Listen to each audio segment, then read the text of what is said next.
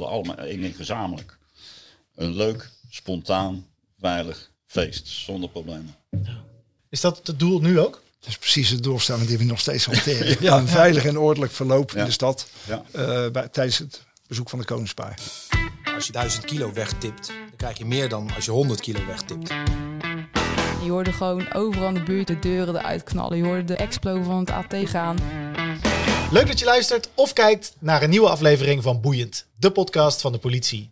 Morgen is het zover, dan bezoekt de koning ter ere van Koningsdag onze mooie stad hier in Rotterdam. En eh, ja, om dat een beetje te vieren en in te leiden, hebben wij twee hele bijzondere gasten in de podcast vandaag. Eh, aan mijn rechterkant zit de algemeen commandant van de regeling van nu, van 2023. Eh, en zijn naam is Ton Heesen. Welkom. Ja, dankjewel Niels. Fijn om hier te zijn. Ja, leuk dat je er bent. En aan de andere kant, ja, jij bent een beetje politie royalty. Want iedereen wil jou even de hand schudden en jou weer wel- welkom terug heten hier op Doelwater. Eh, Theo Brekelmans, en jij was de algemeen commandant in 1992. Correct, ja. Ja, nou welkom. Dank je. Laten we eens bij jou beginnen, Theo. Ehm, wie ben je en wat doe je en hoe ziet jouw leven er eh, nu uit? Oeh, nou ik zal het heel kort houden. Ik heb dus altijd in, in het Rotterdamse gewerkt. Eh begonnen als jongsinspecteur hier aan het centrum. En geëindigd als, eh, wat toen heette, manager rood aan de, aan de Veilingweg. Altijd in de openbaar orde hoek gezeten. Eh pelotonscommandant. En later algemeen commandant geïntegreerde staf eh, Zuid-Holland-Zeeland. Eh, in 97 ben ik eh, belast geweest met het voorbereiden, nationaal, of eigenlijk binationaal, van de Euro 2000. Daar hebben we drie jaar hard aan eh, gewerkt. En dat was ineens in, drie weken over. Een raar, was een rare ervaring. Was aardig, want als spin-off werd ik nog een paar keer uitgenodigd naar Australië. Ik heb met de Olympische Spelen daar eh, ben ik nog gedetacheerd geweest. Toen directeur van het eh, PIO geworden eh, in, in Ossendrecht. Weer openbaar orde natuurlijk. En eh, daarna ben ik eh, in Engeland gaan werken, waar mijn helaas overleden vrouw toen woonde. En daar hoefde ik niet meer op en neer te reizen. En, die, zeg maar, de vormgeving van CIPOL, de Europese Politieacademie, die eh, resulteert onder de Europese Commissie. En jij eh, bent dus pensionado. Yep. Ja, en hoe is het dan om hier weer terug te, te zijn? Fantastisch. Ja? Ja, nee, oh, ik, ik, ik, liep hier, ik liep, liep hier voorlangs en die oude ingang van, eh, van de eerste afdeling. Zeg, goh, hoe vaak ben ik daar wel niet doorheen gegaan? En, eh, ja, en, en dan kijk ik omhoog naar de vierde afdeling. Ik ben als chef TOD geweest. Dat, dat, dat, zat daar, dat zat daar ergens. En dus allerlei herinneringen komen echt weer terug. Ja. Ja. Ja. nou leuk dat je er bent. En, Ja, en nou, hartstikke fijn dat je ook tijd maakt voor ons. Nee, heel hier, graag. eh, Nee, heel leuk om bij te te doen. Ja. Ja. En Ton, de huidige algemeen commandant. Wat, eh, hoe ziet jouw eh, baan en leven eruit? Nou, overzichtelijk, durf ik wel te stellen. Eh, ik moet zeggen, als je, als je kijkt naar mijn, mijn werk op dit moment, dan eh, ben ik uh, diensthoofd van het operationeel centrum. Dus ik zit ook midden in die operaties. Voel precies wat Theo zegt. Deel uitmaken van die operatie. Operationeel centrum is het hart daarvan. Daarnaast ben ik uiteraard algemeen commandant voor diverse SGBO's. En dit jaar voor het SGBO voor het Koningsbezoek. Ja. En ja, prima. Ja. Goed om te doen. SGBO, een uh, staf grootschalig bijzonder optreden. De, het zal voor sommige mensen klinken als iets wat helemaal nieuw is. Kan je daar iets over vertellen? Want we werken in een bepaalde regeling hè, met elkaar. Ja, ja, kijk, er komen gedurende dit jaar komen er altijd wel dingen voorbij die groter zijn als dat wij vanuit de reguliere organisatie aankunnen. Um, voetbalwedstrijden, demonstraties en zo ook Koningsdag uh, en alle andere grote evenementen. Als je zegt van zo'n groot evenement moet worden voorbereid, moet een goed verloop kennen, dan gaan we daar op een projectmatige manier aan, uh, aan het werk. En dat doen we met een staf grootschalig bijzonder optreden, waarbij een aantal knoppen zitten, een aantal deelfunctionarissen. En elk van die knoppen, zoals we dat in het jargon noemen, die heeft zijn eigen accent, zijn eigen taak. En die weet precies vanuit zijn eigen uh, beroepsopvatting en zijn kennis en kunde wat hij wel en niet moet doen. En wat hij moet doen om aan te sluiten bij de andere knoppen. En zo vorm je eigenlijk een soort projectorganisatie waar je met elkaar invulling kan geven aan zijn doelstelling. Ja. En jij bent dan de man waar iedereen vervolgens naar kijkt. Of werkt dat niet zo? jawel, jawel, jawel. Want ook, ook, kijk, van oorsprong zijn we natuurlijk een hiërarchische organisatie. En, uh, dan, uh, en ik zeg altijd in mijn reguliere werk, ik vind hiërarchie vind ik iets wat nodig is als je, als je er echt behoefte aan hebt. Dus in dagdagelijkse, in mijn eigen afdeling, daar ben ik gewoon een van de mensen met een specifieke rol. Ik mag dan diensthoofd zijn, iemand anders die is teamchef. We hebben de mensen achter de tafels die hun werk doen. Maar dan ben je allemaal een schakel in dezelfde motor. En dan is hiërarchie wat minder van belang. En dan ben je van mens tot mens gewoon aan het werk met elkaar. In, een, in zo'n regeling met zo'n staf grootschalig bijzonder optreden, dan gaat het echt ook wel om die commandostructuur. En uh, dan moet je iemand aan de top hebben. En dat is bij uitstek de algemeen commandant. Ja. Is dat dan ook uh, een, uh, een spannende functie? Want het is nogal een verantwoordelijkheid ook die je draagt. Ja, ik, dat durf ik wel gewoon volmondig ja te zeggen. want je voelt die verantwoordelijkheid ook echt wel op de momenten dat het ertoe doet. Ja, ja. ja. Is dit nieuw voor jou, Theo? Nee. Of is dit volledig uh, hoe jij het ook uh, gewend bent? Nee, hoe ik het. Ja, kijk, ik moet even teruggaan naar de geschiedenis. Um, wat je nu tegenwoordig SGBO noemt, um, was zeg maar het effect van Amsterdam, de, de Koningsnaam Amsterdam. Um, men had helemaal geen ervaring met, om, om, om leiding te geven. En er waren er toen 3000 politieambtenaren, inclusief Marseille aanwezig. En dat was een van de redenen waarom, waarom het verkeerd liep.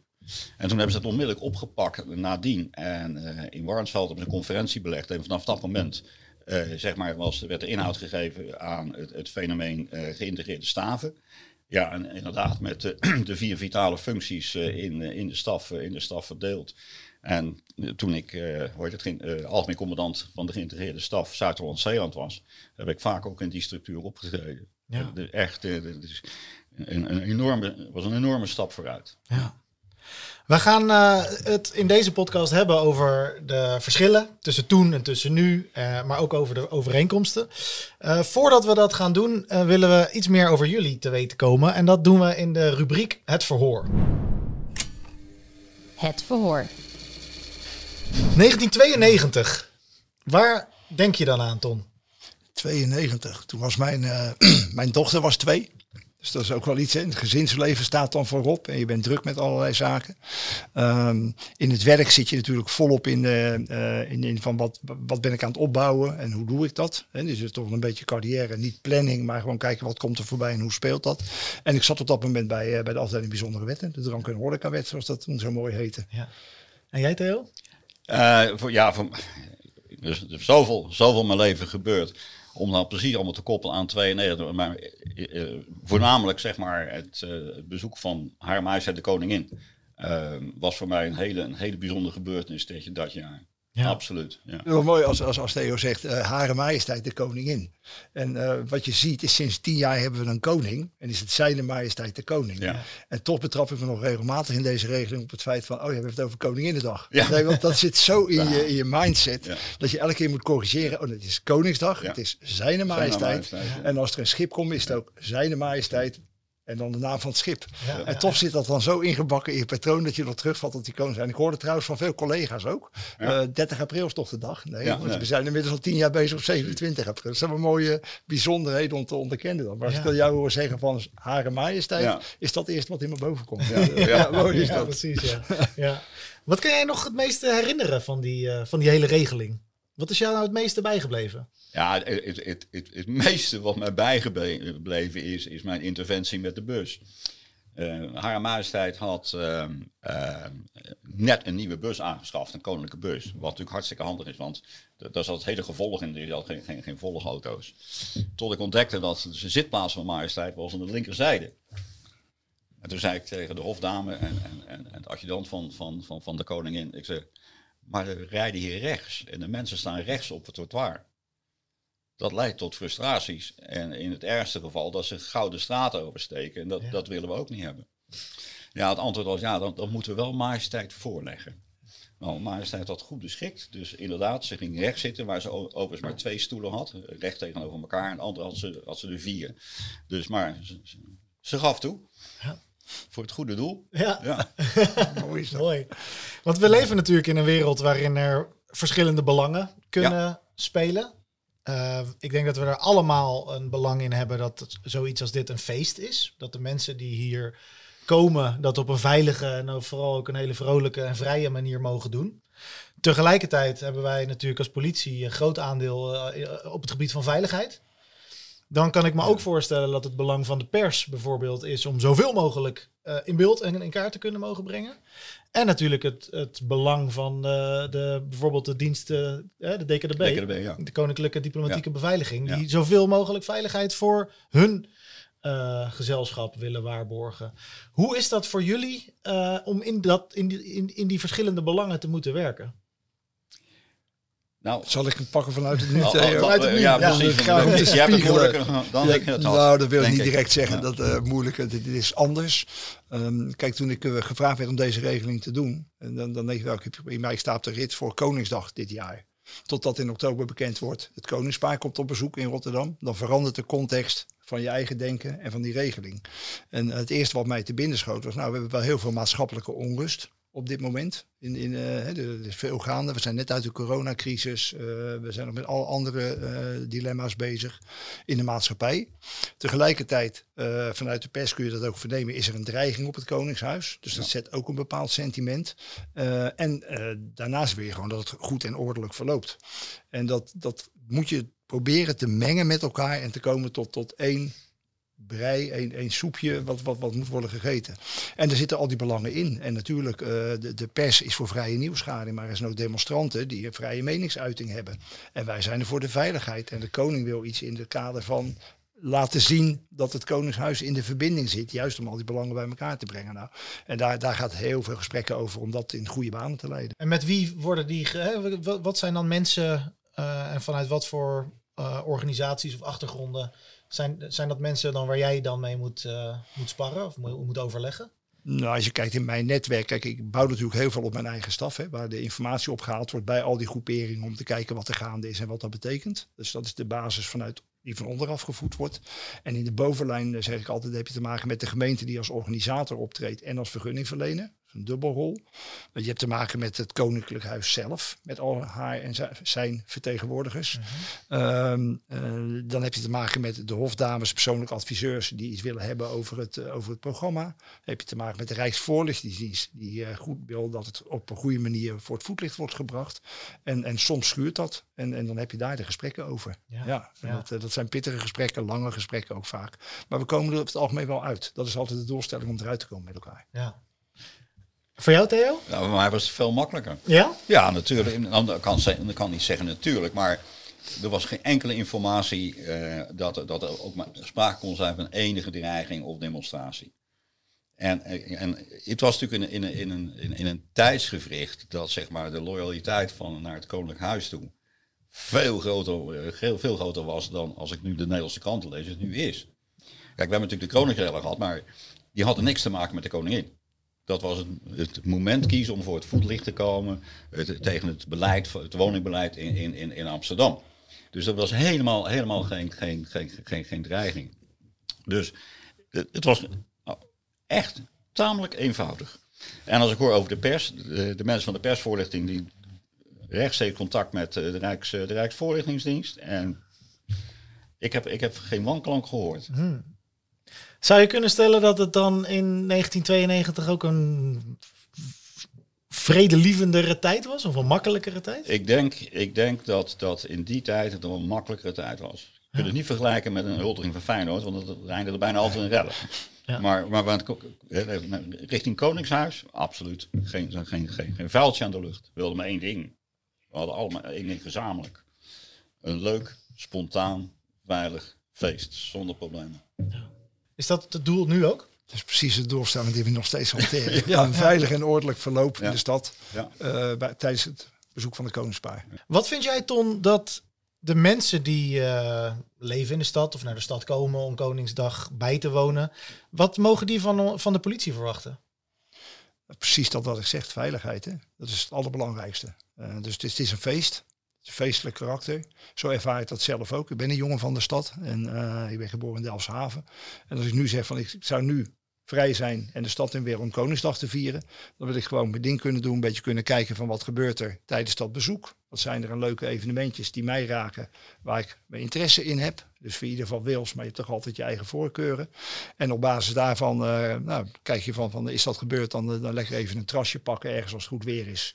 Een drankje doen. En dan uh, we, nou, we hebben een leuke dag vandaag. En ik denk dat elke Rotterdammer, ook iemand die van buiten Rotterdam komt, met die intentie er naartoe gaat. Ja. ja. Er zijn uh, natuurlijk, ook als je kijkt naar de beelden van 1992, en we gaan rondom deze podcast ook een aantal foto's nog plaatsen op social media uh, uit 1992. Natuurlijk visueel dingen heel anders aan de politieagenten. Uh, ja. Het uniform, ander dienstwapen, andere voertuigen, andere, voor een deel ook andere geweldsmiddelen, met de uitschuifbare wapenstok en de komst van de taser. Um, als, jij dat, als jij nu kijkt naar die verschillen, hoe, hoe, wat vind jij dan van hoe we er nu uh, bij zitten en bij lopen? Nou, diep in mijn hart betreur ik het dat het zover heeft moeten komen. Er zijn situaties geweest waar zeg maar, het, het, het oude wapenarsenaal niet toereikend was. En dan moet je naar andere middelen grijpen die soms zwaarder zijn, uh, soms een grote inbreuk maken op de lichamelijke integriteit. En dat is eigenlijk triest in de samenleving. En los van de, van de geweldsmiddelen, uh, want er zijn natuurlijk ook heel veel technische hulpmiddelen. Ja. We hebben allemaal een diensttelefoon waarin we personen kunnen natrekken of bekeuringen kunnen uitschrijven. We hebben, nou, in principe, ja, jullie hadden natuurlijk ook een portofoon, maar we hebben wel ook een navigatiesysteem. We kunnen meteen zien, oh, die melding is daar. Ja. Nou, noem maar op. Ja. Hoe kijk je daar tegenaan? Nou, fantastisch. Ja, ja nee, ik, eh, ik ben altijd een groot voorstander geweest van de techniek. Ik ben projectleider geweest van de geautomatiseerde herkenningsdienst, de eerste grote in Nederland. Dus ik, ja, ik heb altijd het gevoel voor techniek gehad. En, en, en ik, ik vind het heel verstandig dat ja, alle technologische eh, ontwikkelingen uh, die van toepassing kunnen zijn op de politie en betaalbaar zijn overigens, ja. ja worden, worden binnengebracht. En uh, ik heb Rob Hessing ooit eens horen zeggen, in de toekomst is het belangrijkste wapen is het informatiepistool. En daarmee doelde die op zeg, de mogelijkheid om alle informatie op te halen mobiel. Ja. ja, ja. Hij had gelijk. Ja. Hoe is dat voor jou dan nu, Ton? Uh, wat zijn, wat zijn uh, ja, middelen waar jij erg op leunt in deze regeling? Ik vind, vind, het wel mooi als ik, als ik tegen hoor zeggen van de, de middelen die er toen waren. Hè. De, je had je wapenstok en je had je handboeien en je had je pistool en er zat niks tussen. Uh, nu zit er natuurlijk heel veel tussen. Dus, dus we kunnen in die opbouw kun je wel mooi meeschakelen. En dat vind ik altijd wel mooi in politiewerk. Het moet altijd proportioneel zijn. Dus je groeit mee met, uh, met het geweld wat er is. Om daar gebruik van te maken en te kiezen. Um, dat is één. In die digitale middelen, ja, dat, dat is natuurlijk heel sterk aan verandering onderhevig. En ik, heb zelf een achtergrond in de ICT, 11 jaar. Hè. En, uh, dus ik ken al die middelen en we zetten ze ook allemaal in. Soms zichtbaar, soms onzichtbaar. Maar het helpt ons wel.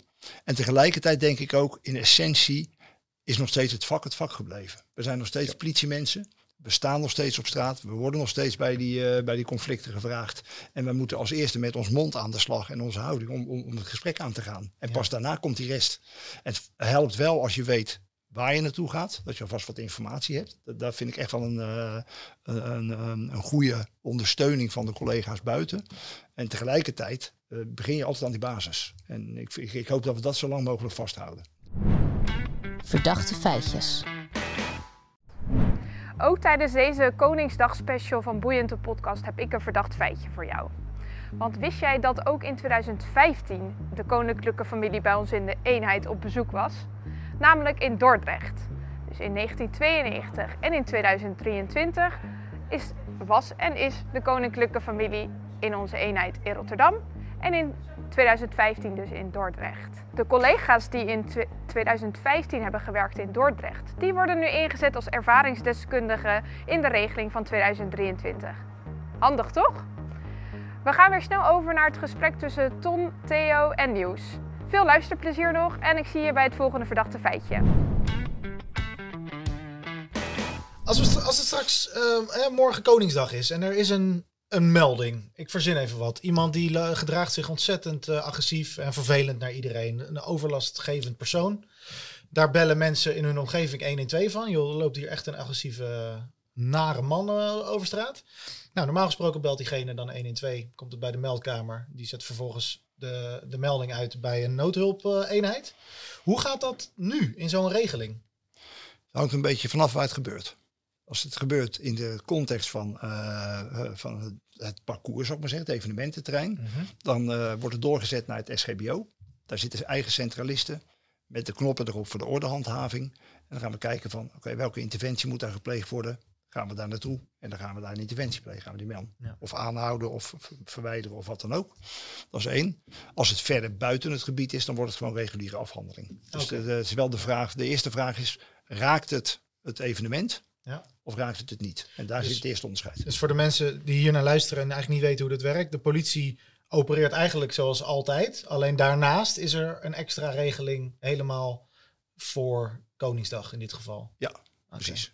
En dan wordt er meteen al bij dit soort dingen, het kan ook een onwel geworden persoon zijn of iets dergelijks, meteen al gekeken van oké, is dit de normale politieoperatie of is dit binnen de regeling? Ja, en Ja. Dat, is, dat is het mooie van de huidige techniek ook wel weer. Hè, dat je werkt met geografische informatiesystemen op, ka- op kaart.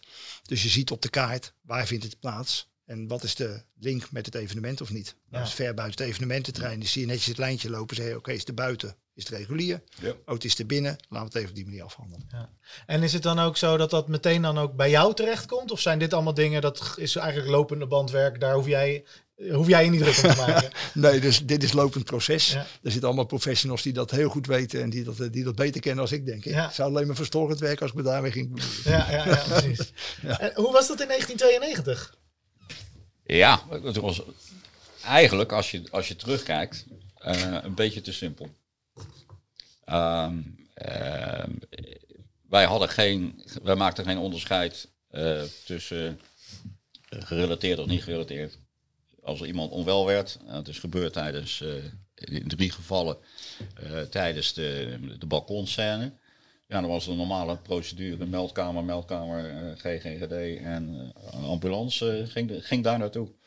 Ja, hooguit dat de verkeerspolitie nog een, hoorde, het, wat ruimte moest maken voor de ambulance om op de plek te komen. Maar dat, dat was het dan. Ja.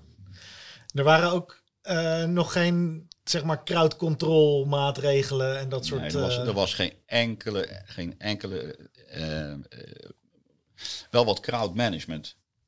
Ja, maar, maar, maar geen crowd control maatregelen. Nee, absoluut niet. nee. En ik moet zeggen, als ik terugkijk, dan eh, hebben we het crowd management niet helemaal goed aangepakt. Want de dieners die stonden achter de mensen. Oké. En dat is goed, maar je moet ze ook aan de voorkant hebben. Ja. En er- was een, eh, ik heb dat na de hand nog gelezen. Er was een, een, een, een, eh, vrouwelijke diender van de Brede Brigade. Die had een radiootje bij zich. En die gaf over de, over de portofoon verslag van wat er ge- gebeurde. Want zij zat natuurlijk hoog en had een veel beter overzicht. Kan jij je nog herinneren hoe jouw dag er een beetje uitzag tij- tijdens eh, Koninginnedag 1992? Ja, ik, ik, ik ging, ik ging eh, hoorde het naar het, eh, naar hier het hoofdbureau. We hadden een, een, een, commandokaar. Hier op Doelwater Op was Doelwater, de- ja, ja, ja. Er was een afscheidingsruimte eh, eh, waar de meldkamer was. En da- daar had ik twee mobielefonisten. En dat was zalig, want hetzelfde principe.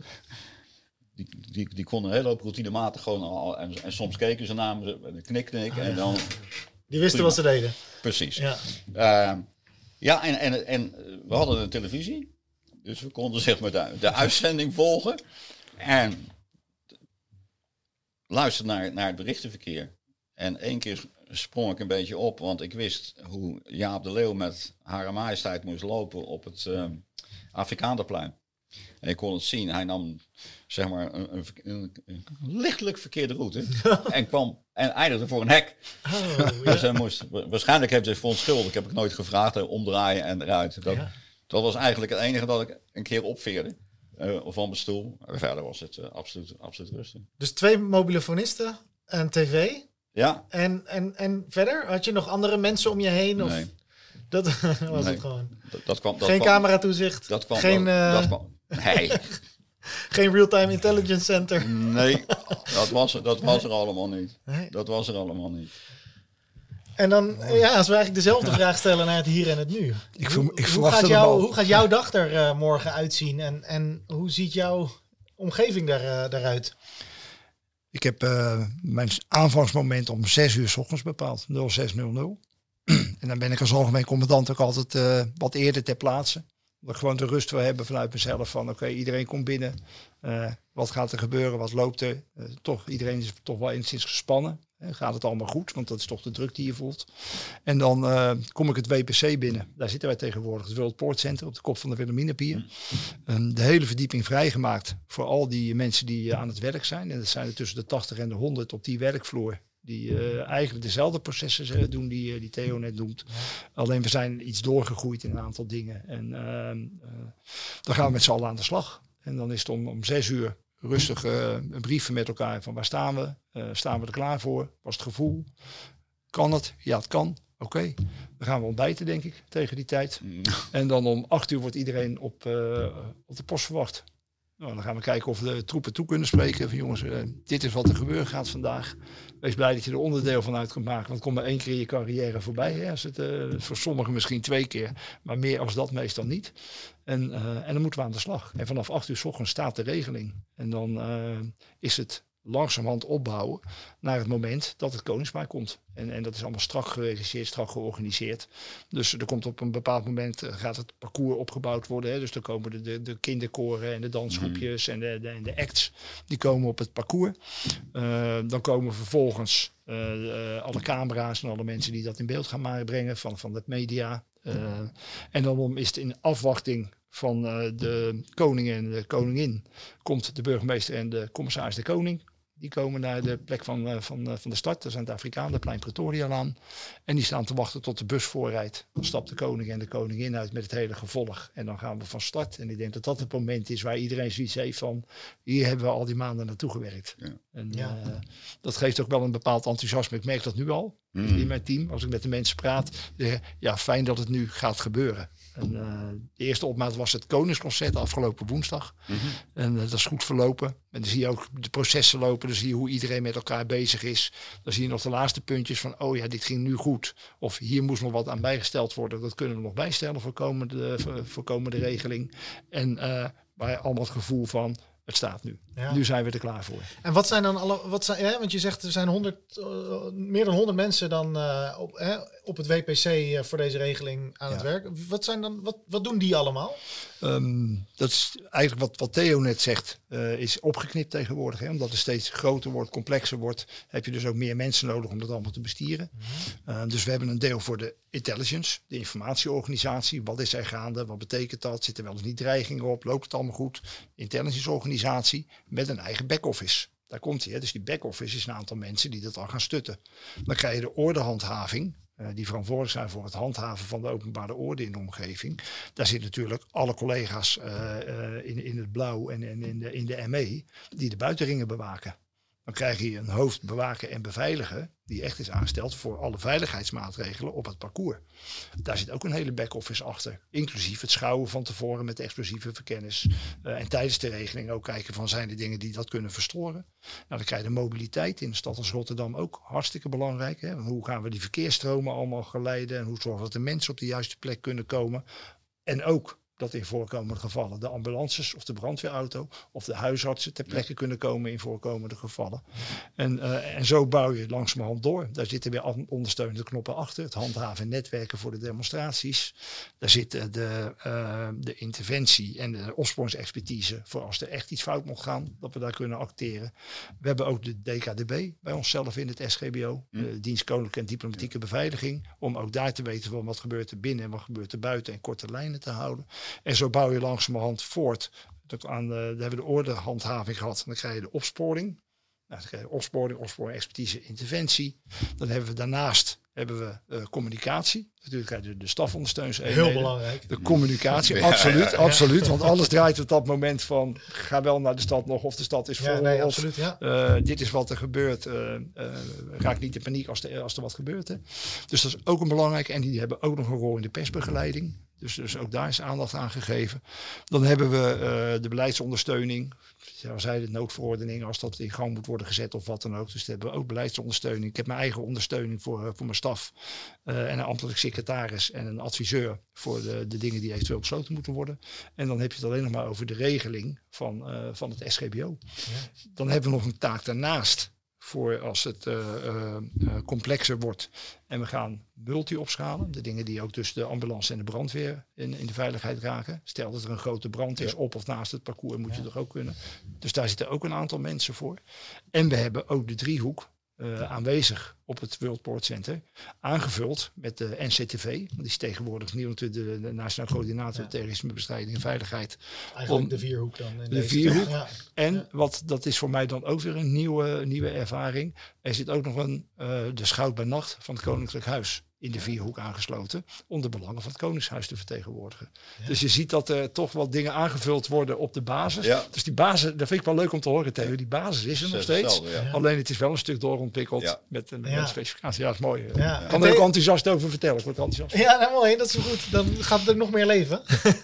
en Theo die zei net, ik had twee mobiele fonisten en één eh, televisie. Hoeveel eh, computerschermen en televisies heb jij eh, om je heen?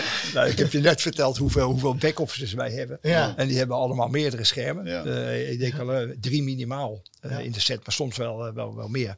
Nog alleen op de presentatielaag. Eh, elke collega in de back-office heeft zijn eigen computerscherm waar hij zijn eigen informatie eh achterhaalt. We hebben nog een aantal satellieten. Hè. We, we hebben natuurlijk cameratoezicht op het Kleinpolderplein, waar het hele gemeentelijk cameratoezicht voor Rotterdam is ondergebracht. Waar we ook beelden van binnenkrijgen, inclusief die van de RET en van, eh, van alle andere zaken.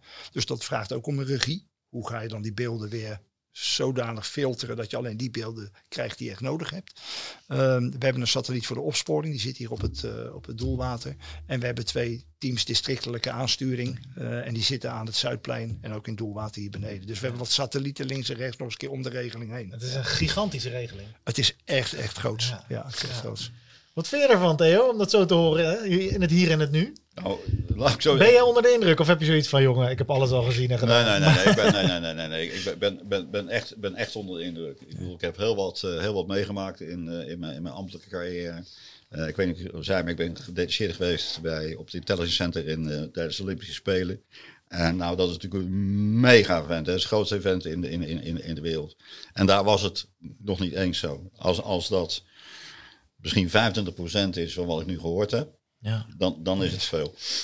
Ja, dus het is, het is een ontstellende ontwikkeling. Maar het blijkt noodzakelijk te zijn. Ja. En, en het werkt. Dus is het belangrijkste. Kun jij je nog herinneren hoe, hoe lang van tevoren jullie begonnen met, eh, met, met alles regelen en de eerste overleggen? En, Ja, want naar mijn beste herinnering was dat in januari, februari. En toen was Koninginnedag nog op, eh, op 30 april. ja. En eh, ja, dan kwamen we geregeld bijeen op het stadhuis. En ja, zo drie tot vier maanden ongeveer. En dan ja, eh, ja, staat het wel. Met alle, met trouwens met alle actoren, want eh, ik kan me herinneren dat zeg maar de, ehm, de, de lokale Koninginnedag-organisaties, en vooral Overschie natuurlijk en ehm eh Afrikaanse buurt, eh, die waren van de partijen wel. Ja. Ja. Ja. En voor jou, Ton, hoe lang speelt het? eh, spe- wanneer is de voorbereiding voor, voor deze regeling eh, begonnen? Ehm, eind september. Eind september. Dus we hadden twee maanden meer. Ja. Eh, dat wel. Maar als ik kijk naar de complexiteit, dan is diezelfde tijdklem, denk ik, die jij gevoeld hebt, die voel ik nu ook. Nu wat minder, want we raken aan het eind.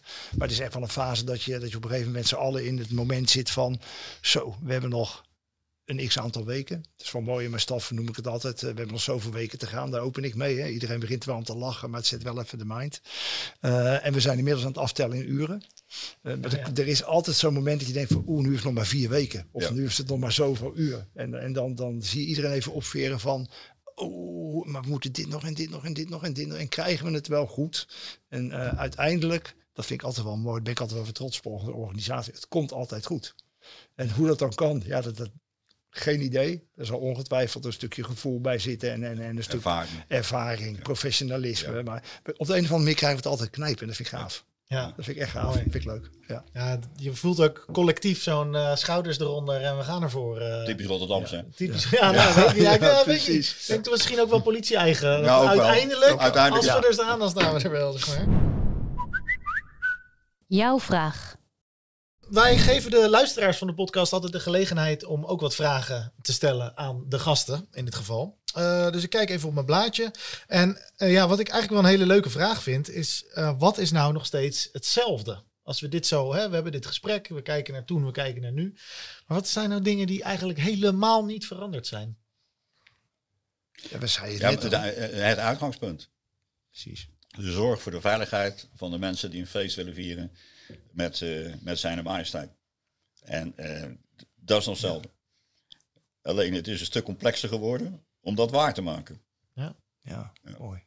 Ja, het zou mijnzelfde antwoord zijn. Ja. Ik vind het echt, eh, in essentie doen we nog steeds hetzelfde. Weet je, voor, voor Ja. mij als, je, als je begint, dat de doelstelling is identiek. Er zit echt een fractieverschil in, maar dat is echt identiek. Eh, alleen de omstandigheden zijn natuurlijk heel anders. Ja. Dat, eh, dat vraagt ook iets anders. Ja. We hebben ook een vraag gekregen en ik begrijp dat je natuurlijk daar niet al te veel over wil uitweiden eh, of kan uitweiden. Maar de vraag is, zijn er nou ook veel undercover agenten en de DSI, eh, dat soort, hè, de, de stoere spannende diensten, zijn die er ook? En eh, Ja, natuurlijk zijn die, hè? Ja. Ja. Dat is, dat is het korte antwoord. oké. En, en als je- nee, nee, nee, ik snap hem. Eh, ik kan er natuurlijk niet te veel over uitweiden, maar die, die zijn er. Ehm, omdat wij ook altijd rekening houden met het onverwachte. En, en dat geldt ook in deze regeling. Ik noemde al eerder de dreiging die er is. Hè. Als er een dreiging is op iemand van het Koninklijk Huis, dan moet je ook zorgen dat je daar gereed voor bent om in te grijpen en te kunnen interveneren als er wat gebeurt. Dus ja, die zijn er. Iemand vraagt zich ook af, wat zijn nou typische Koningsdagmeldingen? Gewoon de, de reguliere telefoontjes die we binnenkrijgen. Van, zijn er dan echt typische Koningsdag dingen? Nou, ik denk, eh, ik heb vrij uitzicht op het parcours. En nu zet er iemand een kleedje neer met allemaal spullen waardoor ik het niet meer zie. Nou ja, Dat, zijn de eerste, dat is de eerste waar, waar, waar, waar feitelijk mensen zich aan storen. Hè. Eh, eh, ik heb een praktijk aan huis, daar moeten mensen bij kunnen komen. En nu staan er ineens mensen voor mijn deur met, eh, met, met, met spullen om te verkopen. Ja. Eh, en en dat, dat zijn gewoon de normale overlastdingen die we, denk ik, vroeger, als ik daarover mag praten, eh, gewoon oplosten door even te zeggen, joh, je zit in mijn weg, zou je een klein stukje op willen schuiven met je kleedje. En eh, waar dat tegenwoordig toch ook heel vaak al is, eh, eh, met de korte lontjes, van, dat, dat leidt dan tot strijd en gedoe. En dan moet de politie erbij komen om dat te gaan bemiddelen. Ja. En, en eh, dat is toch wel een verschil. ja. Ja. Ja, naar mijn beste herinnering, ik kan, ik kan me daar niks, niks meer bij voorstellen. Nee, de, enige gerelateerde meldingen eh, moeten in ieder geval die drie ambulances zijn geweest eh, tijdens, die, eh, tijdens die verdrukking. Maar, maar verder, nee. En dan heb ik ook een vraag specifiek voor jou, Theo. We zijn nu iets meer dan 30 jaar verder. Zijn er nou dingen die jij tijdens Koningsdag of terugkijkend in je carrière anders had willen doen? Anders had willen aanpakken? Nou, we hebben geluk gehad met Koningsdag. Ehm, want zowel in Overschie als op het Afrikaanderplein hadden de dranghekken geen functie. Ehm, die werden genegeerd.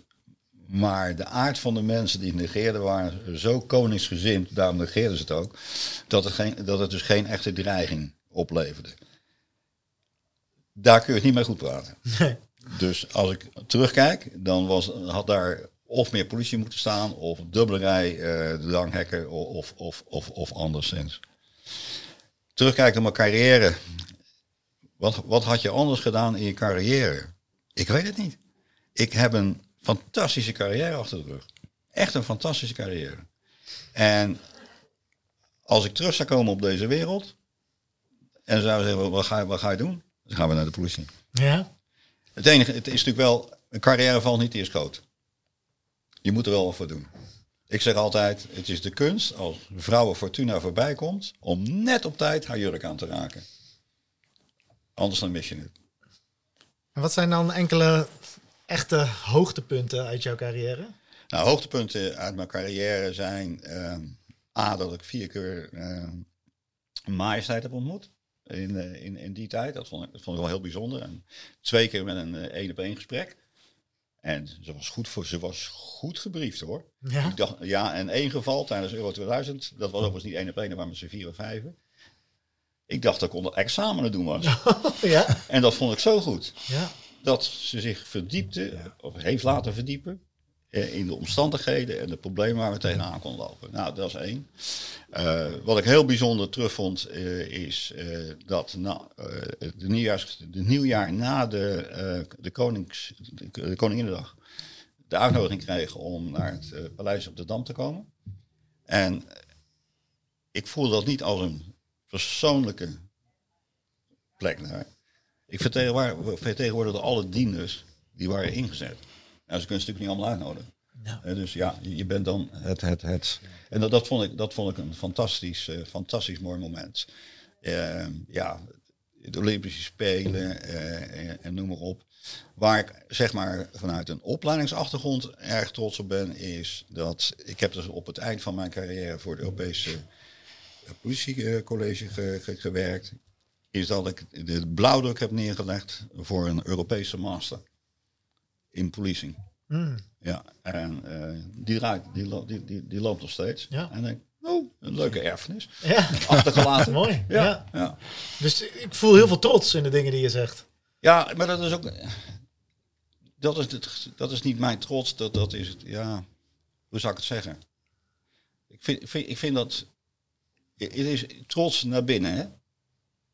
Het is dat je de vraag stelt. Tuurlijk. ja. Anders, anders dan kom ik er niet mee naar buiten. Nee. Snap je? Ja. Dus het is, dat, dat zit dus echt hier. Ja.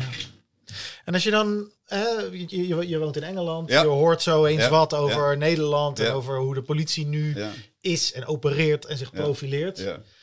Ehm, wat voor gevoel geeft jou dat? Naar, als we kijken naar waar, hoe we er nu voor en bij en in staan. dan denk ik iedere keer opnieuw, ik benijd ze niet. Het is een stuk moeilijker geworden. Gezag is niet meer automatisch gezag. En zelfs zeggen ze ja, je moet ge- gezag moet je verdienen. Ja, dat gaat tot op een zeker moment op. En het viel mij vooral op eh, tijdens de, de coronatijd, maar dat was niet specifiek in Nederland, maar ook in Engeland.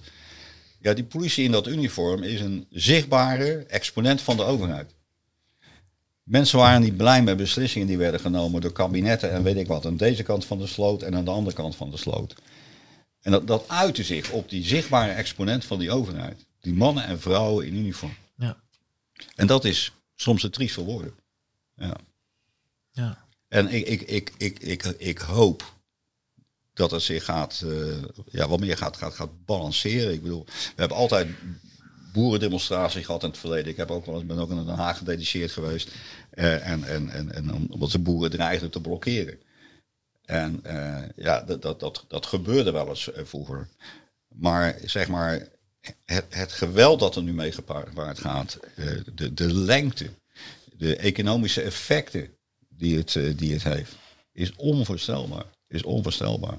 En dat, vind- dat, vind ik, dat vind ik toch wel een zorgwekkende ontwikkeling in de, in de, in de samenleving. Ja. En dan, nou ja, eigenlijk gaat dit over ons, maar ook wel over jouw werk, eh, Ton. Jazeker. Wat vind jij daarvan? Van de, dat, eh, de wereld waarin we dit nu eh, doen en de plek van de politie daarin? Hoe kijk jij daarnaar? Ik moet zeggen dat die complexiteit herken ik. En zeker die maatschappelijke onrust. Als je zegt, hoe zit je daar zelf in? Dan, dan ben ik natuurlijk ook van de harmonie. Dat is een van de onderdelen waarom je dit vak uitoefent. Is dat je de orde niet wil laten verstoren. Dus dat je ook daadwerkelijk zegt van eh, wat er ook gebeurt. eh, er mag schuring zijn. Er mag verschil van mening zijn. Verschil van opvatting zijn. Maar we moeten het wel over blijven hebben met elkaar. En zorgen dat we daar uitkomen. En wat je tegenwoordig ziet is dat het steeds vaker polariseert. Die ruimte voor het midden, die is er niet meer. Of, veel minder. En er zijn er wel mensen die dat, die dat proberen tot stand te brengen en in stand te houden. Maar die uitersten, die manifesteren zich echt eh, wat, wat, wat, wat, wat prominenter als dat ze voorheen deden. En daar hebben we echt last van. En, eh, en dat maakt het politiewerk ook wel moeilijker. Dat, dat ben ik wel mee eens. Ehm, en als je kijkt naar van, van ehm, hoe ga je daar dan mee om, dan herken ik ook wel weer de patronen van vroeger. Want dat is in essentie ons politie zijn. Precies. Hè, dat je zegt van ja, maar wij staan daar wel. Eh, en, en ik ben ook trots op die collega's die daar dagdagelijks in staan. En hun ding gewoon doen. En weten toch voor elkaar te krijgen. En dan eh, moet je ook uitkijken dat je zegt van, is het nou zo veranderd? Of zijn wij onvoldoende meegegroeid? En dat is ook wel een vraag natuurlijk. Eh, als je meegroeit in die hele situatie, dan eh, snap je ook een beetje wat er veranderd is. En dan kun je daar ook op inspelen. En, en dat is de zoektocht die denk ik eh, onze mensen hebben, mijn mensen hebben op dit moment. En, en, en hoe ze daarmee omgaan. En dat, ja, dat maakt mij ook wel trots. Die trots die herken ik zeker. En als je zegt van welke markante momenten zitten daar dan in, dan denk ik van ja, ik was gisterochtend was ik bij de ME-briefing. Eh, de ME-commandanten die zich voorbereiden op, op morgen. En als je dan ziet wat zij eh, uit de kast trekken om hun ding te doen. En welke expertise en welke dialogen daar plaatsvinden. En welke oplossingen er verzonnen worden. En die passen dan gewoon bij die vraagstukken die er liggen. En dan denk ik van ja, die dat moeten we ook gewoon maar koesteren met elkaar. Hè? Dat, dat, dat, dat dat gewoon er is. Ja. Dat, dat kunnen wij. En dat, dat, dat maakt mij heel, heel trots. Ja. Dat kunnen wij gewoon met elkaar. Als we het nou even heel zwart-wit vergelijken. Wie van jullie had nou de moeilijkere taak als algemeen commandant bij Koninginnedag en Koningsdag respectievelijk? En ik denk, als ik kijk naar Theo, als die twee centralisten, dan, dan denk ik van, eh klap dat voor elkaar gekregen. Nou, nou, als, als ik op, op z'n Rotterdam zou zeggen, dat was een regeling die je deed met twee vingers in je neus. Ja. Dus ik, ik ben echt niet degene die eh, het moeilijkst heeft gehad. Nee. Maar je had wel minder, eh, Ja, maar minder hulp. meer had ik ook niet nodig. Nee, blijkbaar. Ja, ja, ja. Het dossier. Zou jij ons nog eens kunnen meenemen naar, eh, naar het bezoek van de koningin? Ja. Heb je daar nog een mooie anekdote van? Hoe, hoe, ging dat nou destijds? Ehm, nou, eh, een, een van de dingen die mij trof was, de Rijksweg 13 werd afgezet. Veiligheidsregelingen, standaard. We hadden een gemeenschappelijke regeling met ehm, eh, Delft en met Rijswijk. Dus ze mochten op, ze mochten op elkaars grondgebied komen. Maar Bram Peper die zei altijd, geen Rijkspolitie.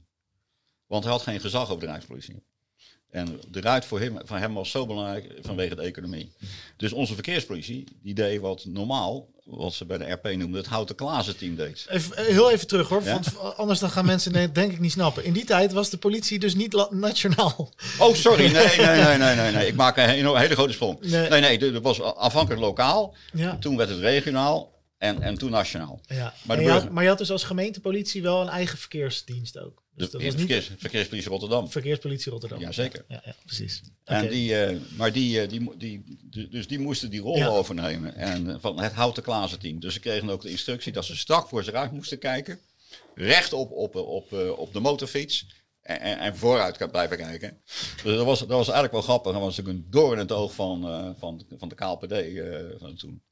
Ehm, leuk, leuk, leuk eh, eh, an- an- andere leuke dingen. Wat ik, zelf ehm, eigenlijk het toch het mooiste vond, en dat heeft niks met de politie te maken, was de interactie tussen de koningin en, en de mensen die feestvierden. Dat dat, dat dat gewoon mogelijk is. En het was mogelijk omdat wij er waren, onder andere omdat wij er waren. Maar, maar, maar, maar die, die, die, die spontaniteit, fantastisch. Echt fantastisch. En het leuke was ook omdat, er was ook het thema, de verschillende culturen. Ja, en en eh, ja, heerlijk om te zien. Ja. mooi. Echt een feest. Ja. We gaan volgens mij eh, naar een afsluiting eh, van dit mooie gesprek. Ehm, en wat ik eigenlijk altijd doe, is dat ik aan de gasten vraag of ze nog een boodschap hebben. En ik wil jullie eigenlijk allebei die vraag stellen. Alleen aan jou, Theo, zou jij eens willen nadenken? Heb je een boodschap voor de collega's die eh, morgen aan het werk gaan? En voor jou, Ton, heb jij dan een boodschap voor de mensen die eh, nou ja, te gast eh, zijn in onze stad of morgen naar de koning komen kijken? En dan beginnen we denk ik bij Ton. Oké. Nou, voor, de, voor de gasten die naar Rotterdam komen. ehm, we hebben een hele grote operatie neergezet. Dit is een mega festijn. Een festijn wat maar op één plek in het land plaatsvindt. En gelukkig is dat nu na tien jaar koningschap in 010. Dus dat is ook een mooie, mooie component daarin. Eh, we bouwen een feest. Ik, ik ben eh, als Rotterdammer ontzettend trots op als je ziet hoe die stad is aangekleed. Wat er allemaal eh, uit, de, uit de kast wordt gehaald om te zorgen dat dat feest er ook echt komt. En ik gun dan ook elke bezoeker een veilig en, en, en vrolijk Koningsfeest. En een hele mooie Koningsdag. Hopelijk met mooi weer. Dat kunnen we dan niet beïnvloeden vanuit onze regeling. Maar ik denk als je eh, een leuke dag wil hebben. Met leuke evenementen waarbij al die culturen van Rotterdam voorbij komen. En, en allerlei eh, eh, bijzonderheden die Rotterdam kenmerken. Dan, dan krijg je echt een geweldige dag. En ik hoop dat die veilig verloopt. En dat iedereen s'avonds thuis zit en zegt van... Zo, wat een mooie dag hebben wij gehad. Dit was de stad die we volgende week weer aan gaan doen. Ja. Theo. Ja, ik, ik kan het heel simpel houden. Ehm, ik verwacht dat daar een ontzettende grote groep professionals is. En zolang ze dat professionalisme, professionalisme dat ze hun dagdagelijkse werk toepassen. Probeer partijen bij elkaar te brengen als dat nodig is. Probeer te sussen waar het nodig is. Met andere woorden, doe wat je normaal ook doet. Maar dan in een, grote, in, in, in, in, een grotere context. Dan doe je een fantastische job. En dan kan iedereen weer zeggen, we waren trots op de manier waarop het gegaan is. Ja. Heren, mag ik jullie hartelijk bedanken dat jullie hier eh, hebben zijn aangeschoven om dit eh, mooie gesprek eh, te voeren. Ton, morgen werkt ze. We zien elkaar op het WPC nog even waarschijnlijk. Als ik mag komen waar jij werkt. En eh, volgens mij gaan we er met z'n allen een ontzettend mooi feestje van maken. En Theo, jij ook hartstikke bedankt voor, jou, eh, voor jouw verhalen hier in deze podcast. Oké, ton succes. Dankjewel. Dankjewel Theo. En voor jou als luisteraar, hartstikke bedankt eh, voor het luisteren naar deze aflevering van Boeiend. We verschijnen één keer in de twee weken met een reguliere Boeiend aflevering. Eh, altijd op maandagochtend. Die kan je luisteren op Spotify, op Apple Podcast. En je kan hem ook bekijken op YouTube op het eenheidsaccount van de politie Eenheid Rotterdam. Bedankt voor het luisteren en tot de volgende. Als je 1000 kilo wegtipt, dan krijg je meer dan als je 100 kilo wegtipt. Je hoorde gewoon overal in de buurt de deuren eruit knallen. Je hoorde de explo van het AT gaan.